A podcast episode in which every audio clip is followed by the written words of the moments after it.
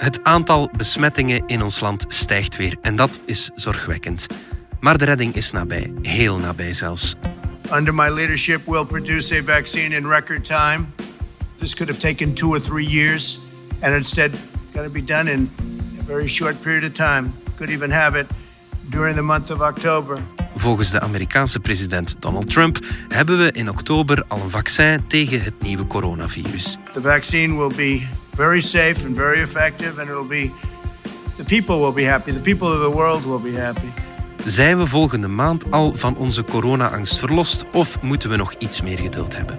Het is woensdag 16 september. Ik ben Alexander Lippenveld en dit is de podcast van de Standaard.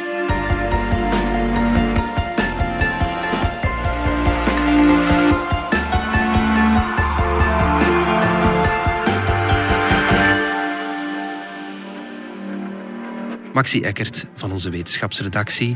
Trump spreekt over oktober, uh, Europa spreekt over december. Ons federaal agentschap voor geneesmiddelen en uh, gezondheidsproducten verwacht eerder eind maart.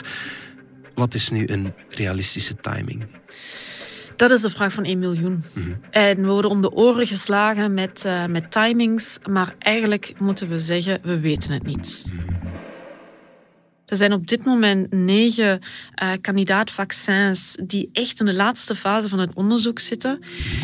We mogen niet vergeten, dat is een cruciale fase, want het, we moeten daar echt wel op wachten om te weten of dat ze wel veilig zijn en of dat ze efficiënt zijn. Ja, hoe dan ook, het coronavirus is eind 2019 voor het eerst gespot. Het is nu geen jaar later dat lijkt bijzonder snel te gaan. Ik dacht dat dat altijd heel lang duurde, een vaccin ontwikkelen. Dat is ongelooflijk. Ja. Het is ongelooflijk hoe snel het de ontwikkeling van uh, die kandidaatvaccins gaat. Dus er zijn uh, een 170 of zelfs meer bedrijven, grote uh, farmabedrijven, kleine biotechbedrijven, universiteiten mee bezig. En tegen een ongelooflijke snelheid. Mm -hmm. Dus om een idee te geven, normaal gezien duurt de ontwikkeling van een vaccin tien jaar. Mm -hmm. Ik denk dat uh, het al eens is gelukt om op vier jaar tijd een vaccin te ontwikkelen. En nu gaat het eigenlijk over één jaar, ja. misschien anderhalf jaar. De hele is wereld is er natuurlijk mee bezig. De hele wereld is er mee ja. bezig, ja, omdat we er zoveel van verwachten. Omdat het de enige manier gaat zijn waarschijnlijk uh, om ons echt te verlossen van al die maatregelen van physical distancing en uh, mm. die overdreven hygiëne. Neem ons even mee naar die ontwikkeling van een vaccin. Hoe verloopt dat in grote lijnen? De ontwikkeling van een vaccin verloopt in uh, meerdere fasen. Mm -hmm. Natuurlijk moet eerst het vaccin gemaakt worden. Dus laat ons zeggen, de prototypes worden geproduceerd. Mm -hmm. En die worden in de zogenaamde preklinische fase in het labo onderzocht. Okay. Uh, ook op proefdieren. Om te zien of dat de dieren uh, daar überhaupt op reageren. Of dat het immuunsysteem in actie schiet als die proefdieren worden ja. gevaccineerd. Ja. Want dat is wat we willen met het vaccin. We ja. willen dat na een inenting het immuunsysteem wordt aangezwengeld ja. en eigenlijk wordt voorbereid op hoe ziet het echte virus eruit. Ja. Zodat als het virus binnenkomt, als je besmet geraakt, dat ja. meteen het lichaam in actie schiet en weet wat het moet doen. En je niet eerst ziek wordt. Okay. Goed, dus als het dan in, de preklinisch, in het preklinisch onderzoek duidelijk is um, dat het bij proefdieren iets doet, dan wordt het kandidaatvaccin in fase 1 op een kleine groep mensen getest. Okay. Ook weer om te zien, gebeuren er geen rampen? Vallen er geen mensen, vallen ze niet allemaal dood? Dus is het, zijn er, kunnen we erop afgaan dat het veilig is en ook weer reageert het immuunsysteem. Ja. Belangrijk. En wat is dan een kleine groep mensen? Is, gaat dat dan een tiental. Een tiental, een tiental okay. gezonde volwassenen. Ook heel belangrijk. Ja. Dus die geen onderliggende aandoeningen hebben. Ook geen ouderen, want het immuunsysteem van ouderen werkt weer anders. Dus je wilt het op een kleine, gemakkelijke groep eigenlijk okay. in eerste instantie testen. Mm -hmm. Dus dat is fase 1. Um, als dan blijkt dat het experimentele vaccin nog altijd uh, beloftevol is, wordt er overgestapt naar een grotere groep in de fase 2-studie. Mm -hmm. Dan wordt het dus getest op een paar honderd vrijwilligers, of misschien zelfs al ja, tegen de duizend aan, maar mm -hmm. nog eerder beperkt. Mm -hmm. Dan mogen ook de ouderen deelnemen aan, aan de studies, ja. uh, vaak, dus de 60-plussers. Nu moet ook eerst in die fase 2 nog gekeken worden welke dosis okay. um, is dan. Dus er worden verschillende dosissen uitgetest. Mm -hmm. uh, om te zien van ja, hoe groot moet de dosis van het vaccin zijn om een goede immuunreactie te hebben. Of kantelt het op een gegeven moment, krijg je dan te veel uh, bijwerkingen bij een te hoge dosis. Oké, ja.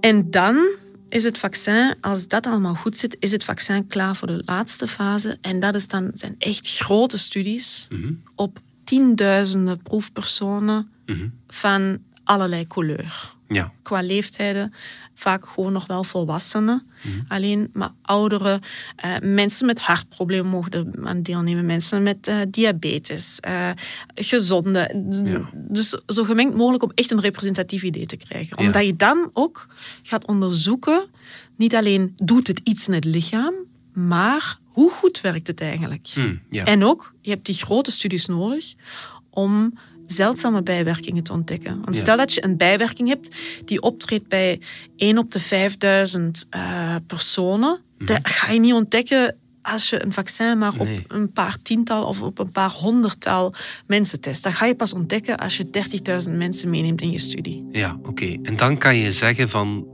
dit vaccin kunnen we op de wereld loslaten. Dan wordt, eh, worden de studieresultaten samengevat en bezorgd aan de geneesmiddelagentschappen. Ja. En die moeten zich dan uitspreken, is dit goed genoeg, veilig genoeg om de bevolking daarmee in te enten? Mhm. Onder normale omstandigheden is het dus zo dat in zo'n, zo'n, in zo'n fase 1 of fase 2 die studies worden uitgevoerd, ze worden afgerond, wordt naar de resultaten gekeken. Oké, nu hebben we fase 2 afgerond, de resultaten zijn goed, we gaan over naar fase 3.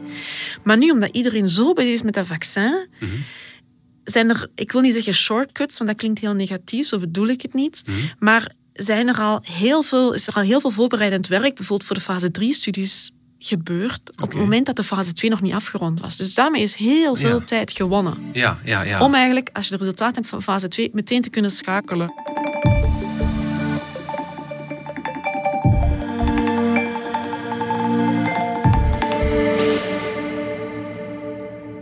Zeldzame bijwerkingen, dat was het probleem met AstraZeneca, een van die bedrijven die een coronavaccin zoekt. Hoe zat dat juist? Ze hebben hun proeven moeten stilzetten. Hè? Ja, en dat was een ongelofelijke domper op het hele enthousiasme. Eh, want AstraZeneca profileert zich nu al maanden als de koploper. En ineens komt dan het bericht dat ze hun klinische studies, die grote fase 3-studies, moeten stilleggen. Ja. Dus ja, dat is natuurlijk wel eh, belangrijk nieuws als je denkt, ze zitten gewoon echt eh, in de eindspurt. Mhm. Dus wat was er gebeurd?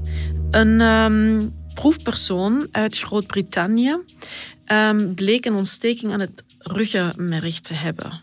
En dat kan een teken daarvoor zijn dat het immuunsysteem niet goed heeft gereageerd op het vaccin. Maar evengoed kan het zijn dat die vrouw een infectie heeft doorgemaakt. En dan kan het ook gebeuren dat in de nasleep daarvan je een ontsteking aan het ruggenmerg doet. In elk geval is een ontsteking aan het ruggenmerg is voor onderzoekers een alarmsignaal. Hier is er iets met het immuunsysteem. En dus hebben ze gezegd, eh, we leggen het even stil om het uit te zoeken. Oké. Dus ons hoera-gevoel van ze zijn goed bezig moet voor AstraZeneca wel wat getemperd worden. dan. Nu, eigenlijk is het dus niet ongewoon dat zoiets gebeurt. Dus dat je zegt van, we hebben hier iets voor, we moeten dat in detail onderzoeken. We moeten ook kijken van, is dat misschien al wel vaker gebeurd, maar hebben onderzoekers in de studie misschien niet opgemerkt? Dat je dan gaat zeggen van, we nemen het zekere voor het onzekere en we onderzoeken het. Dat is op zich niet zo heel gek. Maar wat er hier natuurlijk speelde, is dat ehm, er al zo'n hoge verwachting ligt op. We gaan de AstraZeneca-vaccin in maart in België hebben. Ik denk dat het wel een wake-up call was voor heel wat beleidsmakers. Dat ze ehm, geen beloftes mogen maken die kunnen tegenvallen. Ja. Of waar ze niet aan kunnen voldoen. Misschien moet er wel wat meer voorzichtigheid zijn. Dat zegt ook de hoofdwetenschapper van de Wereldgezondheidsorganisatie. So I think this is a good, um, perhaps a wake up call or a lesson for everyone um, to recognize the fact that there are ups and downs in research. It's not always a fast and a straight road, but we don't need to be overly discouraged because these things happen. Het is een wake-up call, zegt ze. Misschien is dat in die zin, ik kan niet zeggen goed dat het gebeurd is, maar je moet de mensen ook geen valse hoop geven natuurlijk. Dat is zo.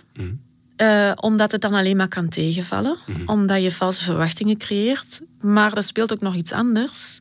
Het zijn beleidsmakers die beloftes maken over de timing van een vaccin. Maar het zijn eigenlijk hun instellingen, hun geneesmiddelagentschappen, die in alle onafhankelijkheid de kwaliteit en de veiligheid van het vaccin moeten kunnen beoordelen. Dus ik denk dat je dan wel in een situatie terechtkomt waarbij beleidsmakers ook de druk opvoeren op die farmabedrijven om er spoed achter te zetten. Ja, ja. Is en dat is dat een gezonde situatie? Het is in elk geval geen goede perceptie mhm. die je creëert bij het publiek. Nee, dat lijkt wel een omgekeerde wereld. Je zou normaal verwachten, de farma wil snel gaan, de overheid uh, is wat voorzichtiger en remt hen wat af. Uh, wereld op zijn kop nu. Ja, en daarom was het ook zo opmerkelijk dat vorige week een uh, groep uh, farmareuzen, echte grote farmabedrijven, dat die samen naar buiten zijn gekomen met een statement waarin ze verzekeren dat ze zich aan de principes van het wetenschappelijk onderzoek en alle ethische reglementeringen houden. Mm Waarvan je kan zeggen, dat is de normaalste zaak van de wereld. Ja. Het zal er nog aan mankeren als ze zich er niet aan houden. Maar dat was natuurlijk wel een antwoord op de druk die Trump, maar ook andere beleidsmakers opvoeren. Mhm. Dat ze zeggen, geef ons wel de tijd. Mhm. Want wij gaan hier geen, geen shortcuts nemen. Mhm. Dus inderdaad, het lijkt wel de wereld op zijn kop.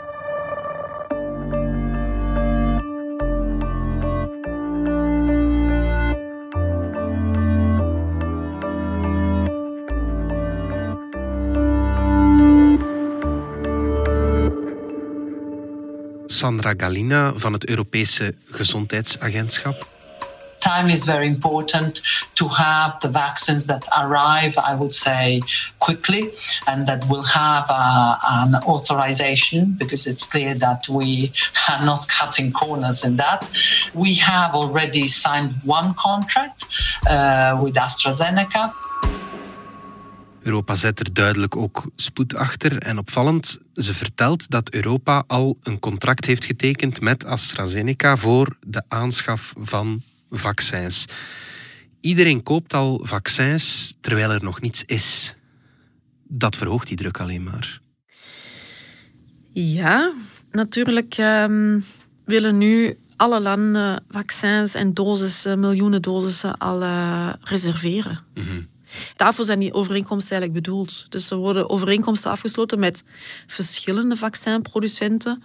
Juist eigenlijk om ervoor te zorgen dat als een vaccin de eindmeet niet haalt, dat je nog wel kan terugvallen ook op andere vaccins. Ja, ja. Maar het is inderdaad wel uh, ongezien dat eigenlijk er al overeenkomsten worden afgesloten over vaccins of vooraleer dat die bewezen hebben dat ze efficiënt zijn. Iedereen wil natuurlijk als eerste een immune bevolking hebben en, terug naar het normale leven keren. En niemand wil achteraan de rij staan. Nee, inderdaad.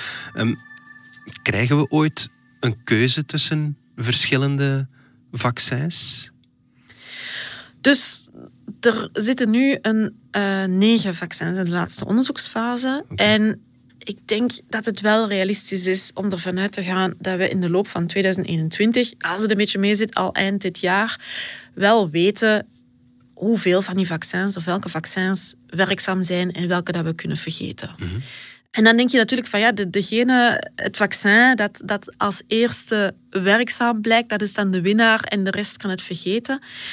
Zo zit het niet in elkaar, want mhm. ja, we hebben heel veel vaccins nodig voor de hele wereld. Dus in 2021 zal er een rush zijn op alle vaccins die blijken te werken. Ja. Of dat dat nu de eerste is, of de tweede, of de derde. Ze zullen allemaal nodig zijn, als ze veilig en werkzaam zijn. Hoeveel dosissen hebben we eigenlijk nodig over heel de wereld?